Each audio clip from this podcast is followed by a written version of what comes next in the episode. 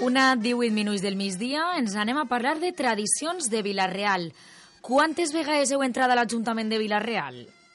Jo crec que més d'una i més de dos, segur. A fer qualsevol gestió, a parlar en algú, a queixar-vos d'algo. Alguna vegada haureu entrat.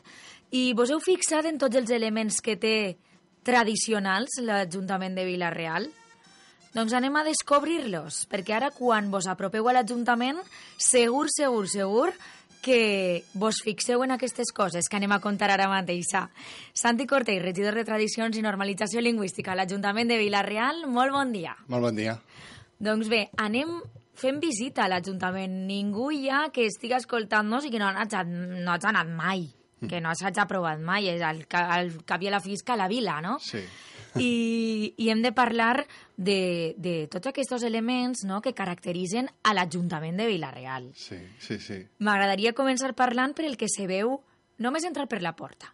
Sí. Perquè qui no se fixa en que dalt l'escala en seguideta està aquest quadre tan gran Sí.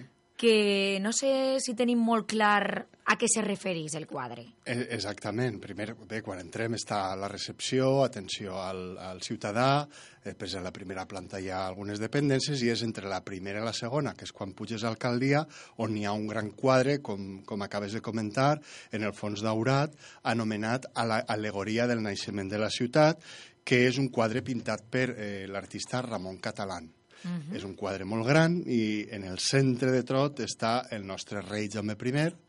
És un quadre atemporal perquè els elements que apareixen al quadre temporalment eh, són de segles diversos, però que representa tota la, ciutat, tota la història de la ciutat. De quan data aquest quadre, ho se sap? Sí, eh, jo pense que es deu ser del finals dels anys 70, perquè fixeu-vos que la inauguració de l'Ajuntament que tenim ara és del 1970. Mm. I per, tot i que es comença a utilitzar al 67, imagine que devia ser d'aquells anys, també per mirar, un, mirar una miqueta el que és la biografia de Ramon Catalán, el que enquadra és això, als anys 60 més o menys. Per què se fica a aquest lloc exactament, aquest quadre de l'Ajuntament? En el primer i segon pis, en un lloc tan visible... Sí, quan, quan pugem aquestes escales, justament abans d'arribar a, on, eh, a on se celebra encara avui en dia el ple, no? jo crec que és un lloc que, clar, justament després hi ha l'alcaldia i on, on es fa la, la representació de la, de la democràcia d'este de, poble, no? I és per això que entenc que està ahí, eh? I és un quadre molt, molt curiós, no sé, així molt per damunt, eh, podria dir algunes coses, damunt del rei Jaume I, que té l'espasa en posició de descans, és a dir, no està batallant, si, si Mm. ho veieu, perquè eh, Jaume I no conquerís la ciutat, sinó que la funda, no? I aleshores el, Clar. el Llorenç Poll, eh, Llorenç Poll també, el, el Jaume I que, que abans estava a la plaça i que ara està una miqueta més lluny, eh, també està eh, eh, assegut, no? I en la, en l'espasa descansant. Damunt del rei Jaume I Està en està, sa casa, no?, el que havia a la fi. està en sa casa perquè la, la va fundar ell, sí, sí, sí. Mm. I això, i damunt està la custòdia, eh, perquè això, eh, Sant Pasqual Bailón és el patró, Sí. que és el, també el patró de, de l'Eucaristia. A l'esquerra teniu el Crist de l'Hospital, eh, que també sabeu que hi ha una llegenda que Ah, diu clar. que el, el mateix Jaume I la va, la va portar. Eh, baix, als peus de Jaume I, ve, veiem un xiquet que representa això mateix, el naixement de la ciutat. Els xiquets són nosaltres, és, mm. és la ciutat. Eh, més I cosetes. el que està baix és Sant Pasqual, També està Sant Pasqual, sí. la Mare de Déu de Gràcia. La Mare de Déu de Gràcia, sí. un bisbe, que és el bisbe de l'època, si no recordem malament. Eh, també està el- l'escut de la ciutat, eh? eh, Sí. la bandera de la ciutat, eh? fixeu-vos, eh? les, les quatre barres, que a vegades hi ha xiquets que confundissin, no? Esta és la bandera del nostre poble, eh? el daurat Sí. sí. simbolitza la realesa, el roig el sacrifici, la sang vessada pel poble, ja ho sabeu tots, i, i això és una alegoria prou curiosa. També als peus hi ha una, una peanya, Mm. eh, que són tarongetes, la base econòmica de la, de la ciutat, l'agricultura, I Francesc Tàrrega està. i Francesc Tàrrega també, eh, que representa l'art, el treball, l'esforç, eh, per els fills il·lustres de la ciutat, eh, estan, estan representats en ells, perquè evidentment no, no cabrien tots. També hi ha eh, un cànter d'aigua, eh, mm. que és el riu Millars, eh, ah. Eh, és una, una gerra, una gerra d'aigua que representa el riu Millars. L'aigua dona la vida, dona la vida a la ciutat, a l'agricultura. Eh, la Mare Déu de Gràcia, eh? Sí. I, I això és un quadre bastant curiós. És molt que és... complet, aquest quadre. Sí, representa els símbols, no? perquè jo crec que és el lloc, el lloc adequat. Eh? Ja sabeu que tots els pobles, tots els països, eh, doncs, tenen els seus símbols, estos són els nostres. Se va penjar en el primer moment en el que va estar fet l'Ajuntament? Segons eh, m'han comentat, sí. O sigui, la inauguració ja estava. Eixe, per tant, devia ser dels anys 60. I si s'inaugura si oficialment l'any mm. 70, encara que ja es comença a utilitzar l'any 67, eh, aleshores eh, entenem que dels anys 60, sí, ja estava des del principi. Doncs sí. bé, un primer element que ens caracteritza essencialment, no pot fallar, eh? aquest quadre no pot deixar d'estar ahí mai en la vida, eh? perquè mm. forma part ja de l'Ajuntament de Vilareal.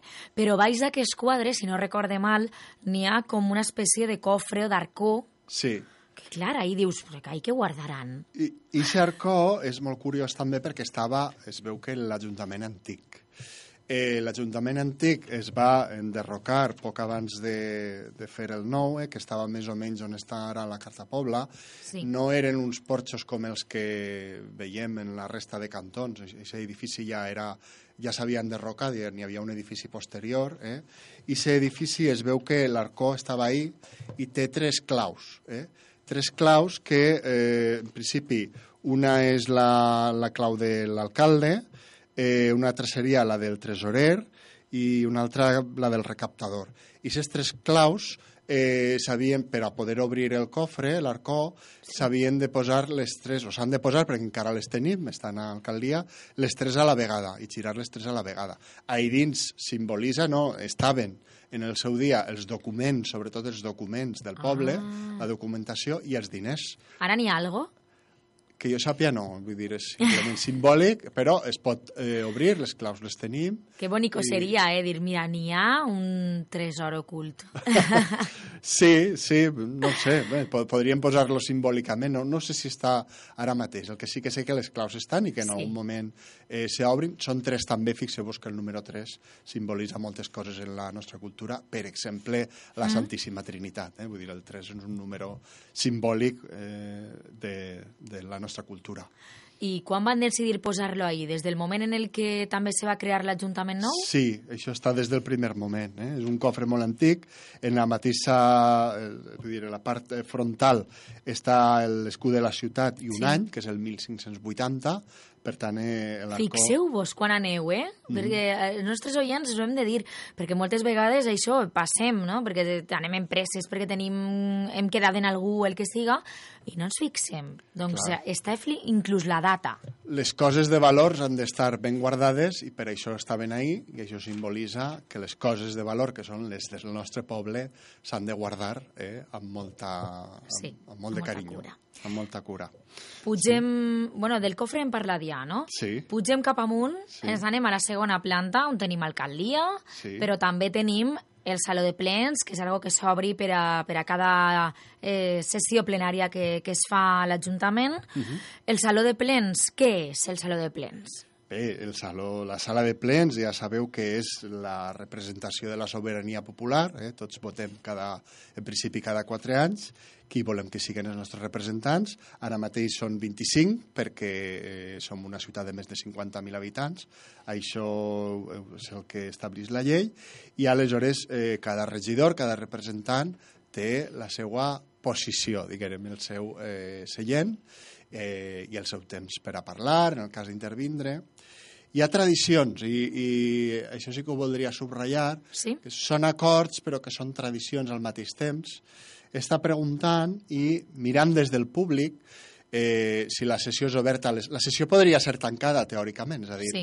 eh, si fora un tema delicat o el que siga, però normalment sempre són obertes al, al públic. De fet, se fa l'emissió per YouTube. Uh mhm. -huh. eh? Tots la podeu veure perquè la transparència ha d'augmentar, no minvar. Aleshores, a la dreta tradicionalment, a la dreta, mirant des del públic, dic, sempre s'ha assegut el que entenem, el que és la dreta. Vull dir, el Partit Popular, mm, això es, es porta fent des d'època, pel que m'han dit, de Batista Carceller, per tant, ah. sempre ha sigut així. Eh? Vull dir, eh, l'esquerra a la part esquerra, governe o no, fixeu-vos que ara està a la part esquerra, el PSOE. O siga, que Està... governara o no, uh -huh. el Partit Socialista estaria a l'esquerra. Per tradició, sí. Això no està escrit en lloc, vull dir, és una cosa que s'ha vingut fent. No és els que governen a l'esquerra i els no. que no governen a la dreta. No, no, vull dir, és com Cànovas i Sagasta, vull dir, és una cosa de tradició. És el, a l'esquerra a l'esquerra, a la dreta a la dreta, i encara es, es manté eh, així. És veritat que els partits... I per què Compromís està ahí? Eh, clar, el cas és que ara... Eh, perquè Compromís està a la dreta. Eh, ara està assegut a la dreta perquè abans estava a l'altra part, eh, quan era el bloc i tot això, però clar, és que ha crescut molt eh, esta part de, o, diguem, estos partits, no? Aleshores, al créixer són trets que ja no caben tots a l'esquerra, si no s'estarien ahí... Clar, no clar. vaig a fer broma en això, però estarien quatre en un costat i tots ahí apilotonats. Sí, I no pot sí, ser. Sí. Això també ha passat quan estava el CDS, Unió Valenciana, que se, se pot entendre que eren de dreta, però estaven a l'esquerra perquè els partits minoritaris anaven on se podia. Mm. Eh? Això és el que, bé, m'han comentat els, els regidors veterans i tot això m'han comentat, es, es posaven on, podia, on se podia i no n'hi ha res escrit, no és una llei com sí que hi ha una llei per a les banderes, això sí que existís, això és simplement eh... tradició. Les banderes, evidentment, com has mencionat, estan just darrere de l'alcalde de la ciutat. Exacte. N'hi han quatre banderes. Quatre. La d'Europa, la del País Valencià, la nostra, la de la Comunitat Valenciana, la de l'Estat espanyol i la del poble, eh, que com he comentat abans és la, la de les quatre barres en fons eh, daurat i són aquestes quatre. Eh? Mm. I a més, no només això, sinó que tenim el pastoret. Sí, el pastoret, en principi, això ho hauria de confirmar, però en principi hauria de ser l'original i la reproducció la que està a l'ermita, perquè és la que se deteriora més per el tema de l'aigua, ah. d'acord? En principi hauria de ser l'original, ho hauria de comprovar, però evidentment és el pastoret d'Ortells el que fa quan estiuetjava l'ermita, que representa una tradició molt bonica del nostre poble, que són les Mare de Déus aparegudes, i que, bé, el, els nostres veïns tenen altres tradicions que no sé si es van inventar al segle XX, o, no? com és el tombatossals o, mm. o la Mare Déu del Lledó, que no sé si era d'origen celta, però la nostra més tradicional no pot ser. Penseu en Fàtima, penseu en Lourdes, tots són pastorets als quals els apareix una Mare de Déu. Eh?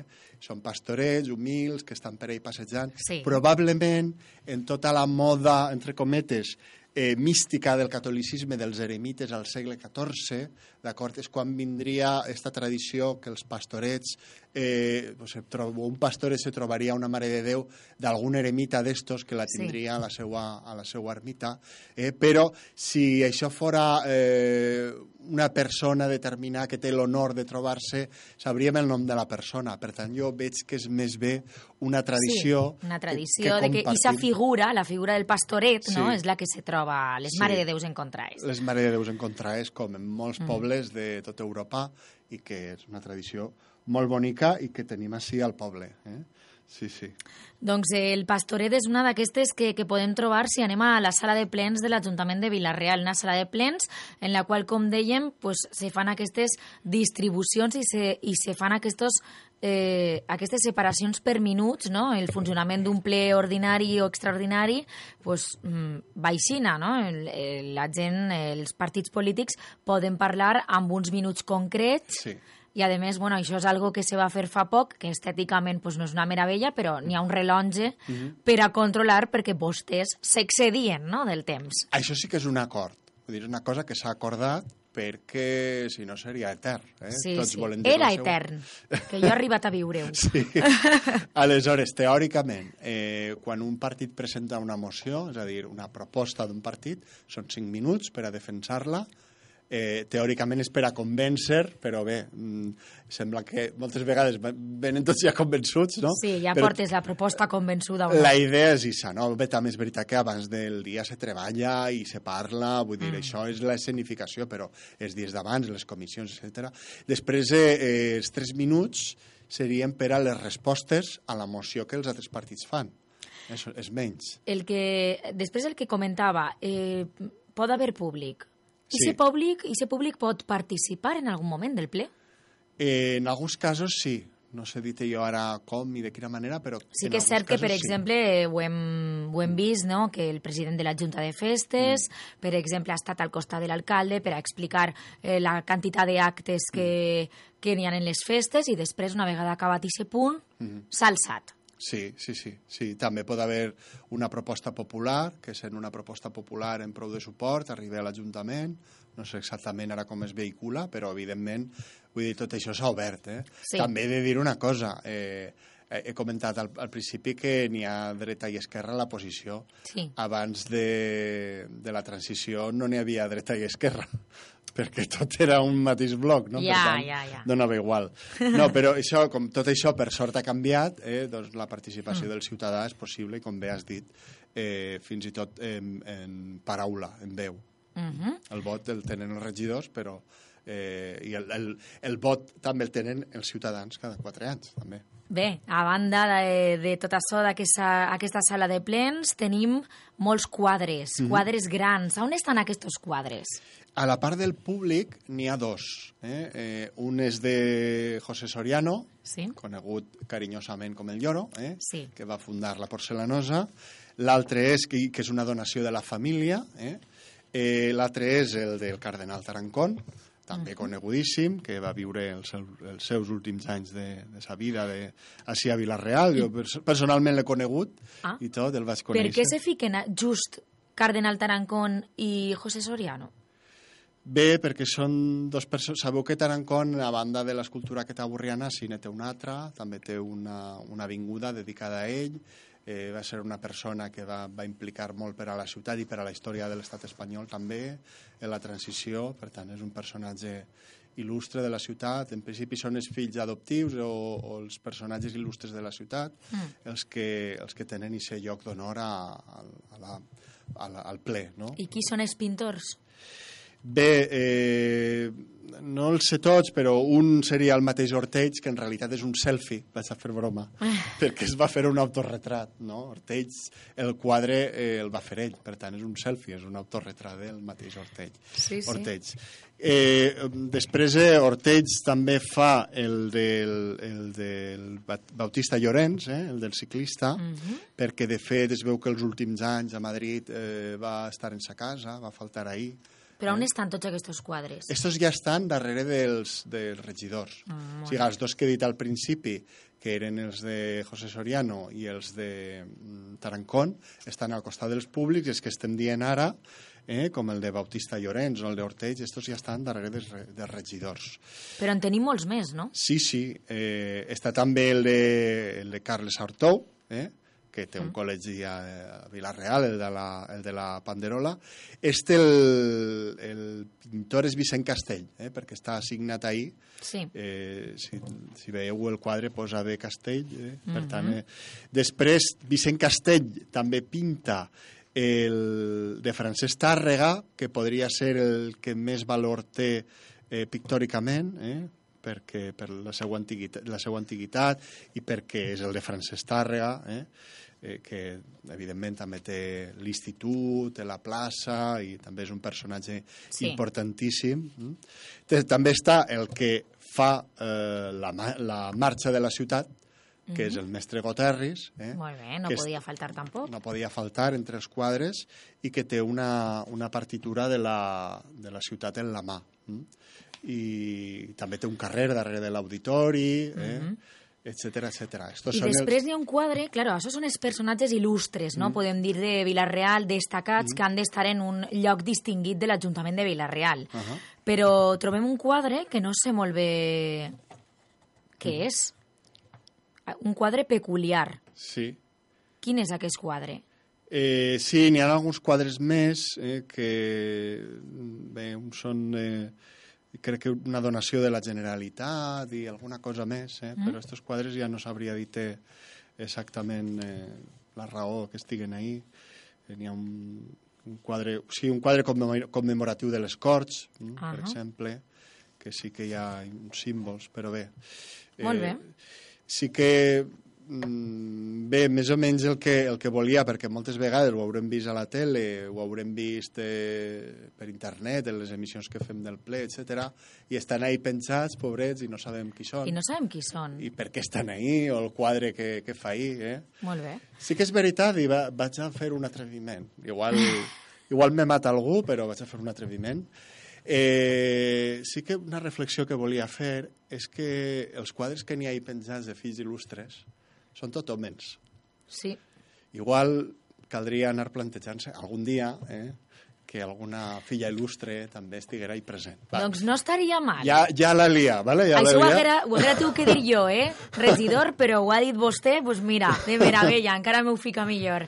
Però a veure, bueno. a veure si li agafen la llança i és Sí. cert que, que incorporen alguna dona que segur, segur que van haver moltes dones que van fer molt per Vilareal. Moltíssimes, estic convençudíssim. Eh?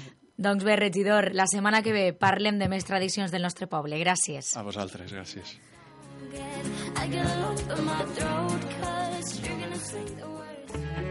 Clínica Doctor Rojo en continua